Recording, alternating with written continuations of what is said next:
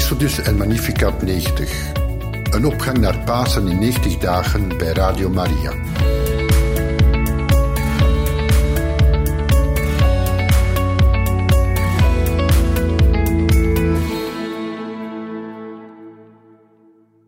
Beste luisteraars van Radio Maria, van harte welkom in het programma Exodus 90. Een geestelijke uittocht uit Egypte, een intocht naar het beloofde land. Starten we in gebed. In de naam van de Vader, de Zoon en de Heilige Geest. Amen. Heer, laat ons bidden voor ware vrijheid en verlossing van alle mannen in Exodus, net zoals zij bidden voor elk van ons. Onze Vader, die in de hemel zij, uw naam worden geheiligd, uw rijk komen, uw wil geschieden op aarde zoals in de hemel. Geef ons heden ons dagelijks brood, en vergeef ons onze schulden, zoals ook wij vergeven aan onze schuldenaren, en breng ons niet in beproeving, maar verlos ons van het kwade. Amen. Uit het boek Exodus. Gij moet ook een luchter maken van zuiver goud. De luchter, met voetstuk en schacht, moet drijfwerk zijn waarin kelken met knopen en bloemen zijn aangebracht. Zes armen moeten van opzij uit de schacht omhoog gaan, drie aan elke kant. In de eerste arm moeten drie amandelbloemen met knoppen aan en bladen gedreven worden. Op dezelfde wijze moeten alle zes armen van de luchter worden bewerkt. In de luchter zelf moeten vier amandelbloemen met knoppen en bladen gedreven worden. Eén knop onder het eerste paar armen, één onder het tweede en één onder het derde paar van de zes armen van de luchter. De knoppen en armen vormen één geheel met de luchter. Eén stuk drijfwerk van zuiver goud. Maak er lampen voor en plaats die zo dat het licht aan de voorkant valt. De snuiters en bakjes moeten eveneens van zuiver goud zijn. Voor de luchter met toebehoren moet je een talent van zuiver goud gebruiken.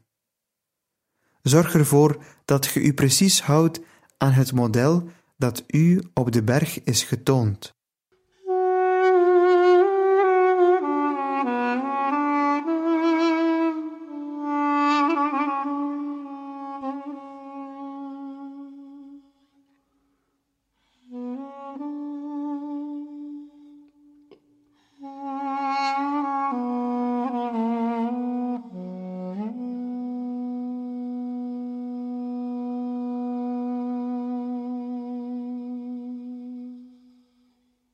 Dag 60.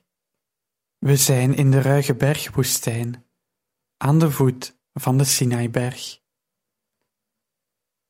God zegt tegen Mozes dat hij het heiligdom moet modelleren naar het visioen van het hemelse heiligdom dat hij op de heilige berg ontving. Overweeg de instructies voor het maken van de gouden kandelaar met afbeeldingen van bloemen en amandelen. God wil dat zijn aardse heiligdom eruit ziet en aanvoelt als de wereld die Hij heeft geschapen. Zo wordt het heiligdom een model of microcosmos van het universum, met Mozes hemelse visioen als blauwdruk. Uiteindelijk zou het heiligdom het model zijn waarop de grote tempel van Salomo zou worden gebouwd. De tempel zou voor de Israëlieten dienen als een blauwdruk of een model van het universum.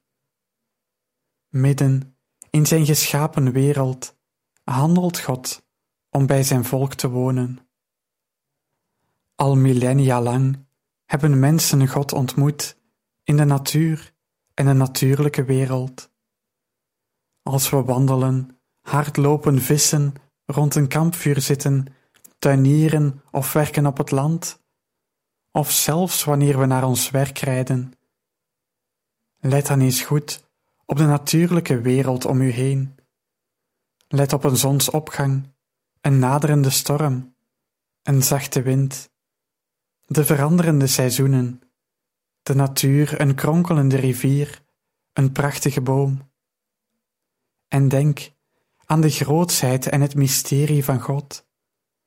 Denk aan Zijn aanwezigheid bij alles wat Hij heeft geschapen, inclusief alle mensen, vooral bij degene van wie we houden. Sint Augustinus leerde dat als de mensen een boek over God willen, ze eerst moeten kijken naar het grote boek van de schepping, de natuurlijke wereld. Besteden wij voldoende tijd aan het lezen van dit geweldige boek? Waarderen we het geschenk van de schepping van God? Wanneer gaan we een volgende keer naar buiten voor een wandeling in het bos of een wandeling in het park? Misschien samen met je broeders, misschien met onze kinderen of misschien allebei. Spreek vandaag met de Heer over je relatie tot de natuur, zijn eerste grote boek.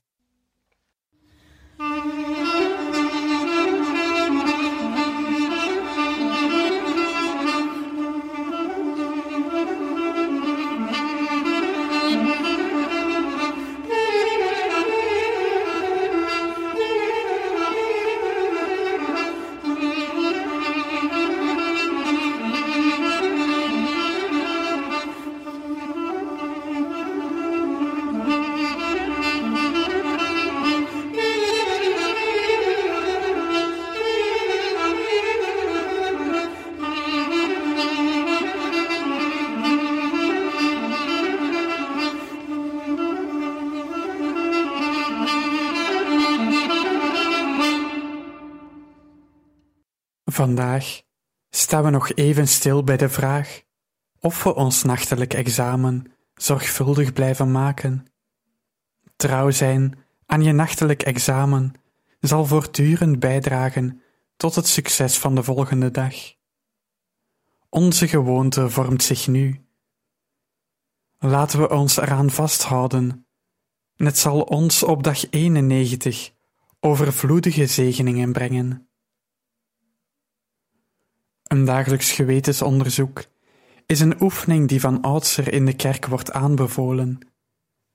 S'avonds neem je even tijd om de gebeurtenissen van de dag te overschouwen. Elke gebeurtenis roept bepaalde gevoelens op, maar die moeten we niet meteen als referentie nemen. Proberen we onze blik op wat is gebeurd te laten weerschijnen, op de spiegel van onze ziel om ze te bekijken met de ogen van God. Onze ziel is immers dat deel van ons dat altijd blijft bestaan en komt van God. Onze ziel, in juiste gesteltenis, reflecteert God. Wenden wij ons dus naar onze ziel bij een gewetensonderzoek. De ziel van onze ziel is de Heilige Geest. En wanneer je bij zo'n gewetensonderzoek graag een leidraad wil, kan dat door de gebeurtenissen van de afgelopen dag bijvoorbeeld te koppelen aan een passage uit de Bijbel. De psalmen zijn hiervoor heel bruikbaar. Of aan een toepasselijk gebed, of aan een heiligenleven. En wanneer je nog niet belezen genoeg bent om meteen een toepasselijke tekst te vinden, kan het ook andersom. Je neemt elke avond een willekeurige spirituele tekst als leidraad en gaat op zoek naar gebeurtenissen die daarop betrekking hebben. Uit die reflectie kan onderscheiding voortvloeien over de keuzes die je maakte. We moeten niet bang zijn om die onderscheiding in strijd te laten gaan met onze gevoelens. Als onze gevoelens in overeenstemming zijn met de onderscheiding, mag je dankbaar zijn. Maar als je onderscheiding je in een andere richting voert dan je gevoelens, is dat wellicht een teken dat je een verkeerde keuze hebt gemaakt. Geen nood.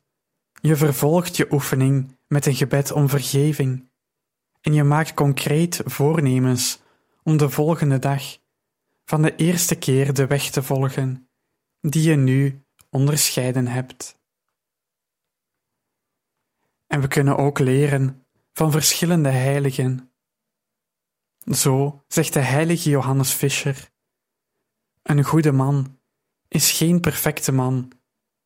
Een goede man is een eerlijke man, trouw en zonder aarzelen, die gehoor geeft aan de stem van God in zijn leven. De heilige Augustinus leert ons iets meer over ons geweten. Een goed geweten is het paleis van Christus, de tempel van de Heilige Geest, het paradijs van verrukking, de permanente sabbat van de heiligen.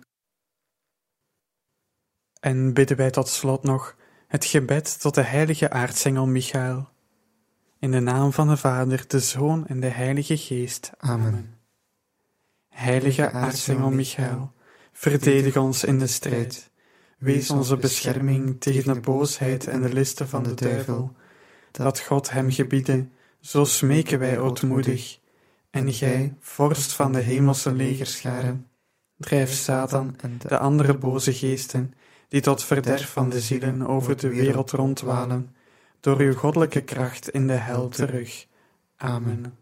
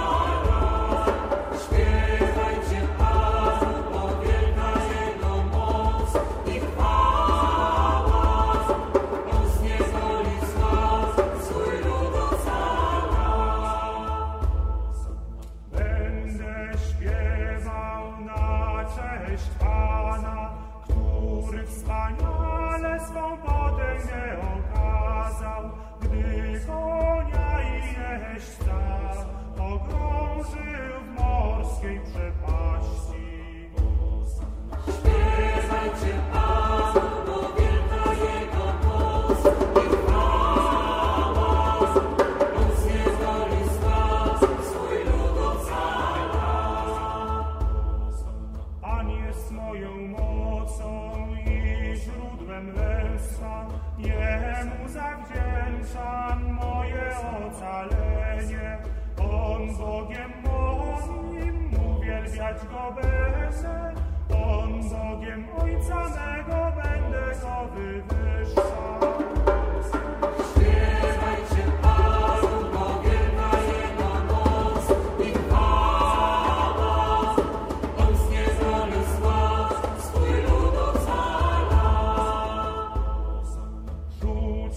W morze